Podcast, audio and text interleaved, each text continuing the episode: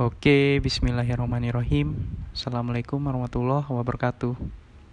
Balik lagi bareng Arif Rahman di sini. Gimana kabarnya? Mudah-mudahan selalu dilancarkan semua urusannya ya. Amin. Ya, kali ini aku mau cerita sedikit karena sebelum belajar untuk prasidang maksudnya lanjut untuk belajar prasidang untuk persiapan prasidang besok aku mau ya ngisi podcast dulu lah untuk ngurangin rasa stres atau tekanan gitu kan. Untuk ngadepin ya besok itu gimana. Ya pokoknya gini. Waktu itu waktu bulan Maret itu kan dari lab itu kan kami penelitian kan. Nah tinggal satu data lagi yang belum selesai karena data yang sebelumnya itu dari lab yang di universitas ini itu bermasalah gitu. Ada data yang belum lengkap karena softwarenya masih trial. Jadi ya kami kan sebelumnya keluar biaya gitu kan keluar sekitar berapa ya. Termasuklah bahan-bahan baku yang di lab sama ganti alat yang pecah mungkin kan. Juga ada beberapa alat-alat yang kurang pas dibalikin kan. Ya begitulah bahan baku kan memang mahal bahan kimia chemical itu. Nggak main-main satu jutaan dua jutaan. Jadi kami pernah ya urunan lah 500 ribu sebelumnya kan. Sama 200 ribu lagi untuk XRD tes XRD itu X-ray diffraction. Itu untuk ngetahuin karakteristik kristal dari suatu material. Nah material yang dicek itu silika. Nah kebetulan orang yang di lab itu juga nggak terlalu paham soal karakteristik berdasarkan kristal dari alat X-ray diffraction itu. Jadi ya udah urung lah. Data itu jadi nggak nggak dipakai jadi ngambil data dari Padang dari lab lab lupa universitas apa tuh?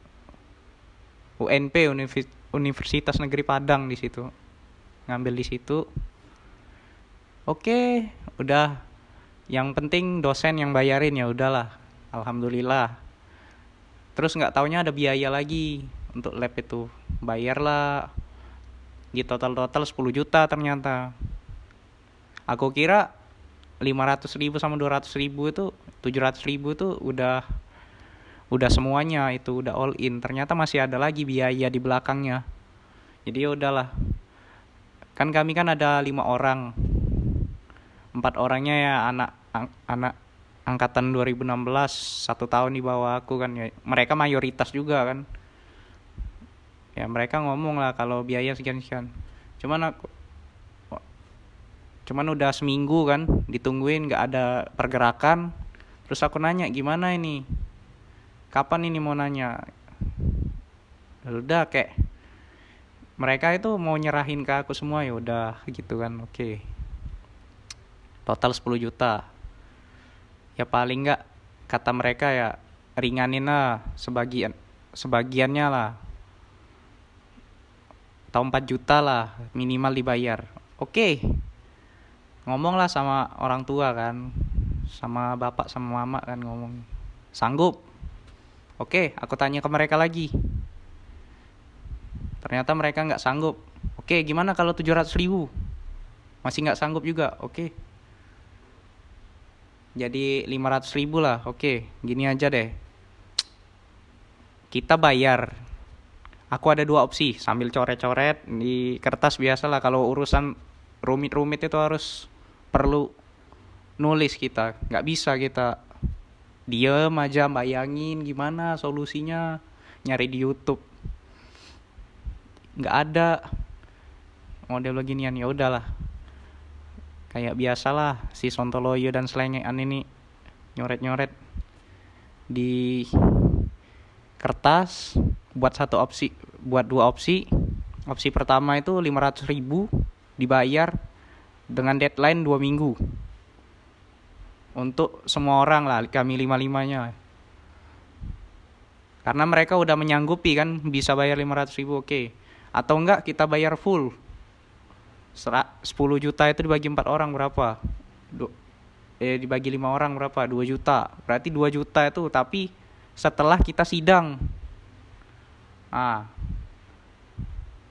Ah dan mereka lebih sepakat ke opsi satu. Oke aku coba untuk ngelemparin opsi satu ke ibunya. Oke lah. Aku wa lah ibu ibunya kan. Oke pagi-pagi. Dah ngecek. Di teknik nggak ada kan? Udah ke bukit. Eh kata kawan ada di, te di teknik. Ya udah balik lagi lah.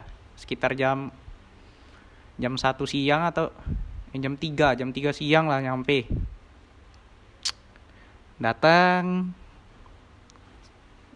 Assalamualaikum bu. Sambil senyum-senyum ibunya sama aku. Maklum beda jurusan sih. Ibu itu kan dosen teknik kimia jadi aku ya kayak mana gitu lah. Tapi memang welcome sih ibunya.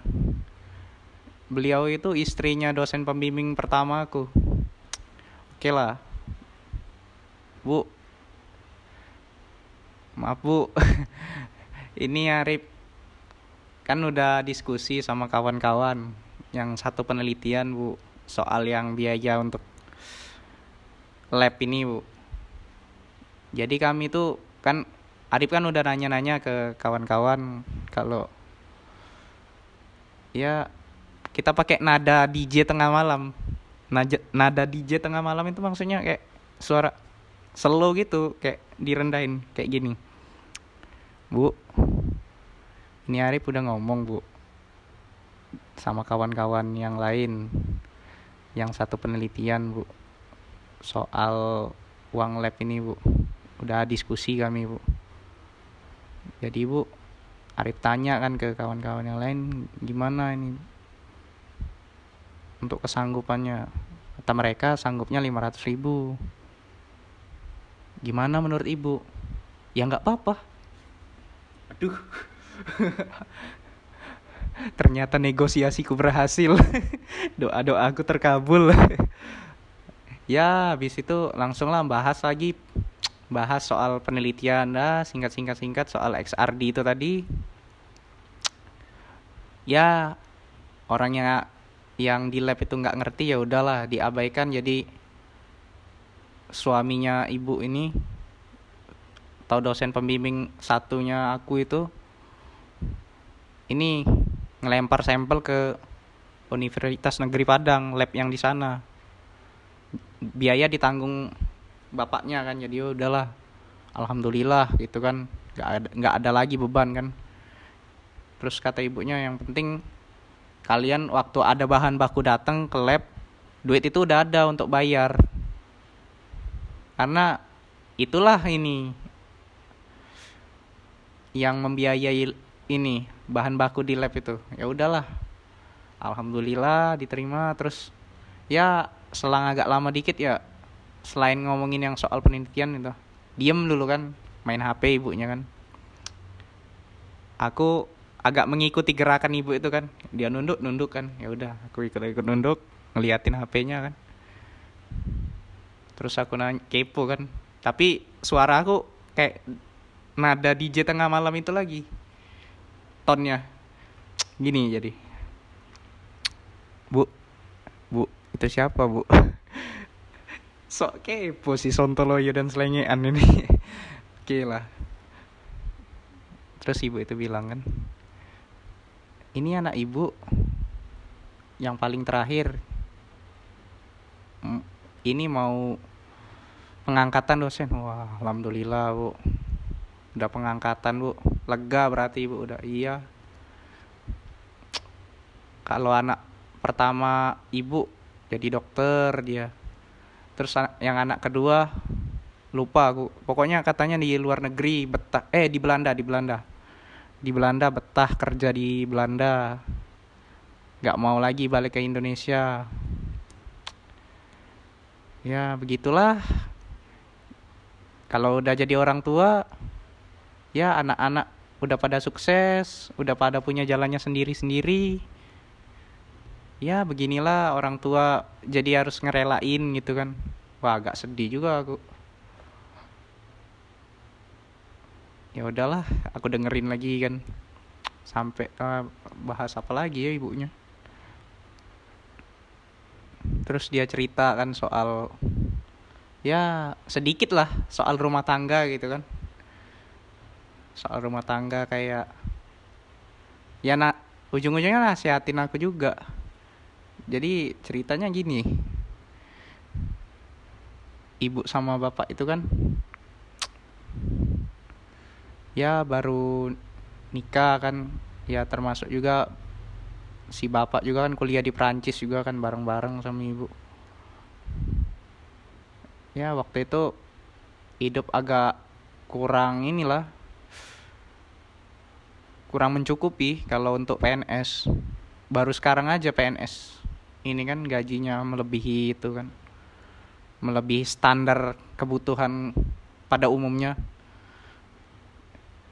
Jadi ya apalagi kalau adat komring ini kan adat adat komring. Kalau paman itu jadi tempat naungan. Wah keren bu. Paman jadi tempat naungan. Baru denger aku bu kata aku kan. Iya terus pokoknya kalau di rumah itu ibu yang jadi tempat curhatan mereka nggak berani sama bapak. Mereka segan sama bapak gitu kan. Jadi ibu yang kalau misalnya mereka pengen sesuatu ngomongnya ke ibu. Terus ibu nanya sama tetangga ibu yang punya anak banyak gimana cara ngurusnya gitu kan ini kan ya walaupun sepupu kan ya tetap aja keluarga gitu kan ya harus diurusin juga sama kayak anak sendiri kan. Ya udahlah bu itu tanya ke tetangga kan yang anaknya banyak gimana kamu ngurusin anak-anak kamu? Ini aku masak. Masak sekali banyak beli untuk sekali sebulan. Lupa juga aku. Pokoknya kalau masak untuk banyak itu lauknya dicampur. Misalnya kayak ini masak tempe. Ada ayamnya. Ayamnya itu sedikit aja cuman dipotong-potong dicampur gitu kan. Jadi kesannya itu bukan makan tempe aja tok gitu kan. Tapi juga ada ya ada rasa-rasa ayamnya gitu kan. Jadi ya itulah manajemen di kala krisis gitu kan. Ala ibu itu ya ditiru lah sama ibu ini kan istrinya dosen pembimbing aku ini kan. Ya udahlah. Gitu survive kan. Cerita juga kebiasaannya bapak kan kalau pagi-pagi udah buka tirai mobil udah manasin mobil pagi-pagi bangun. Orang kompring itu pekerja keras ya. Terus ya pokoknya yang paling menurut aku paling keren ya paman jadi naungan. Dan sepupunya itu banyak. Kalau nggak salah 12 orang apa. Itu pemain bola. Nggak tahu lah. Jadi ya lumayan lah gitu kan. Ada pelajaran-pelajaran terus ibu tuh juga kan. Wanti-wanti aku kan. Kalau misalnya ya kalau punya istri itu ya harusnya tahu lah sama keluarga kan. Jangan sebelah keluarga aja gitu kan. Ah ini mirip sama nasihat mama aku ini. Mirip ibu itu. Tapi duluan ibu ini sebenarnya bulan Maret kalau mama kemarin sebelum puasa. Bulan ya awal Mei kali. Eh akhir April akhir April ingat. Kalau nggak salah dua dua apa dua tiga episode. Pokoknya lihat aja harapan or, harapan dari orang tuaku apa harapan orang tuaku di episode itu. Mirip. Jadi ke trigger dua kali itu. Jangan pilih istri yang cuman sebelah keluarga gitu. Oke okay lah. Fine gitu kan ya ditanya kan sama ibunya Rip nanti kamu udah selesai kuliah mau ke mana? Ah bu, aku mau ini bu, ke Kalimantan insya Allah wah bagus itu memang di sana tambang batu bara katanya. Oh iya bu. Baru garap bu di sana bu. Bagus lah ya udah jangan lupa balik katanya kan. Selalu udah berapa kali aku berulang-ulang kan kalau aku selalu ngomong kan ke kawan-kawan aku pokoknya mau cabut dari Sumsel ya. Mau merantau aku. Banyak. Banyak yang respon gitu jangan lupa balik. Terus aku nonton film Big Brother yang keluaran tahun 2018 yang pemeran utamanya Donnie Yen pemerannya Ipman. Orang-orang sudah banyak lah pasti tahu lah soal Ipman itu. Bela diri Wing Chun bela diri kungfu Cina Selatan itu kan udah tahu lah pasti kan. Pokoknya film Ipman itu tahu lah. Pemerannya itulah Donnie Yen. Cuman ini filmnya Big Brother kan. Bukan soal Ipman ini bukan bukan. Ini cerita soal guru gitu kan. Yang sebelumnya jadi tentara gitu kan. Sebelumnya lagi dia tuh anak nakal bener. Jadi ah mentalnya diobrak abrik lah di jadi tentara itu kan sampailah mengembara gitu kan. Terus dia ngelihat elang kan. Elang itu ngikutin dia terus. Terus dia bilang elang itu aja balik lagi ke tempat dia. Sejauh apa pun dia terbang dan mengembara. Wow aku. Banyak ya itu. Ini pelajaran nggak dapet di kuliah ini pasti serius lah cerita ibu itu dari ya cara survive lah gitu kan. Terus budaya nah dapat budaya orang komering itu gimana baru tahu juga. Dan pokok nasihat-nasihat yang pokoknya sesudah sesudah kuliah ini gimana gitu kan. Dan ibu itu juga nasihati bukan nasihatin aku aja orang-orang yang di lab itu pun oh pantesan lab ini rame gitu kan. Aku pikir kan ini tempat berkah kata aku kan dalam hati cuman. Ini tempat berkah. Tempat ya disebarkannya kebaikan lah gitu kan. Bukan sekedar praktekin ilmu gitu kan. Ambisi penelitian ini penelitian itu. CPO CPO silika CPO silika bukan itu. Lah yang lebih penting inilah nilai moralnya ada di sini ternyata. Pantesan lab ini tetap hidup gitu kan. Ya mudah-mudahan walaupun di kondisi corona ini tetap lab itu bisa bertahan lah kan. Walaupun aku lihat juga udah dari bulan Maret sampai bulan ini juga lab it, eh, bukan bulan Maret sih awal akhir Maret. Akhir Maret sampai bulan ini pun belum ada aktivitas di lab itu. Nggak tahu yang penelitian gimana ini ya mudah-mudahan bisa beroperasi lagi lab itu dengan protokol pencegahan covid lah gitu kan. Ada sedikit kelonggaran tapi tetap dengan protokol keamanan gitu kan. Nah itu aja sih. Sedikit cerita Sontoloyo dan selengean aku dalam negosiasi hutang di lab. Oke terima kasih para pendengar yang selama ini udah denger podcast aku jangan sungkan untuk kasih feedback kasih saran kasih kritik. Whatever lah bully pun boleh. Silakan terserah. Aku terima-terima aja lah. Itu untuk feedback untuk kaizen. Oke itu dulu aja dari aku. Assalamualaikum warahmatullahi wabarakatuh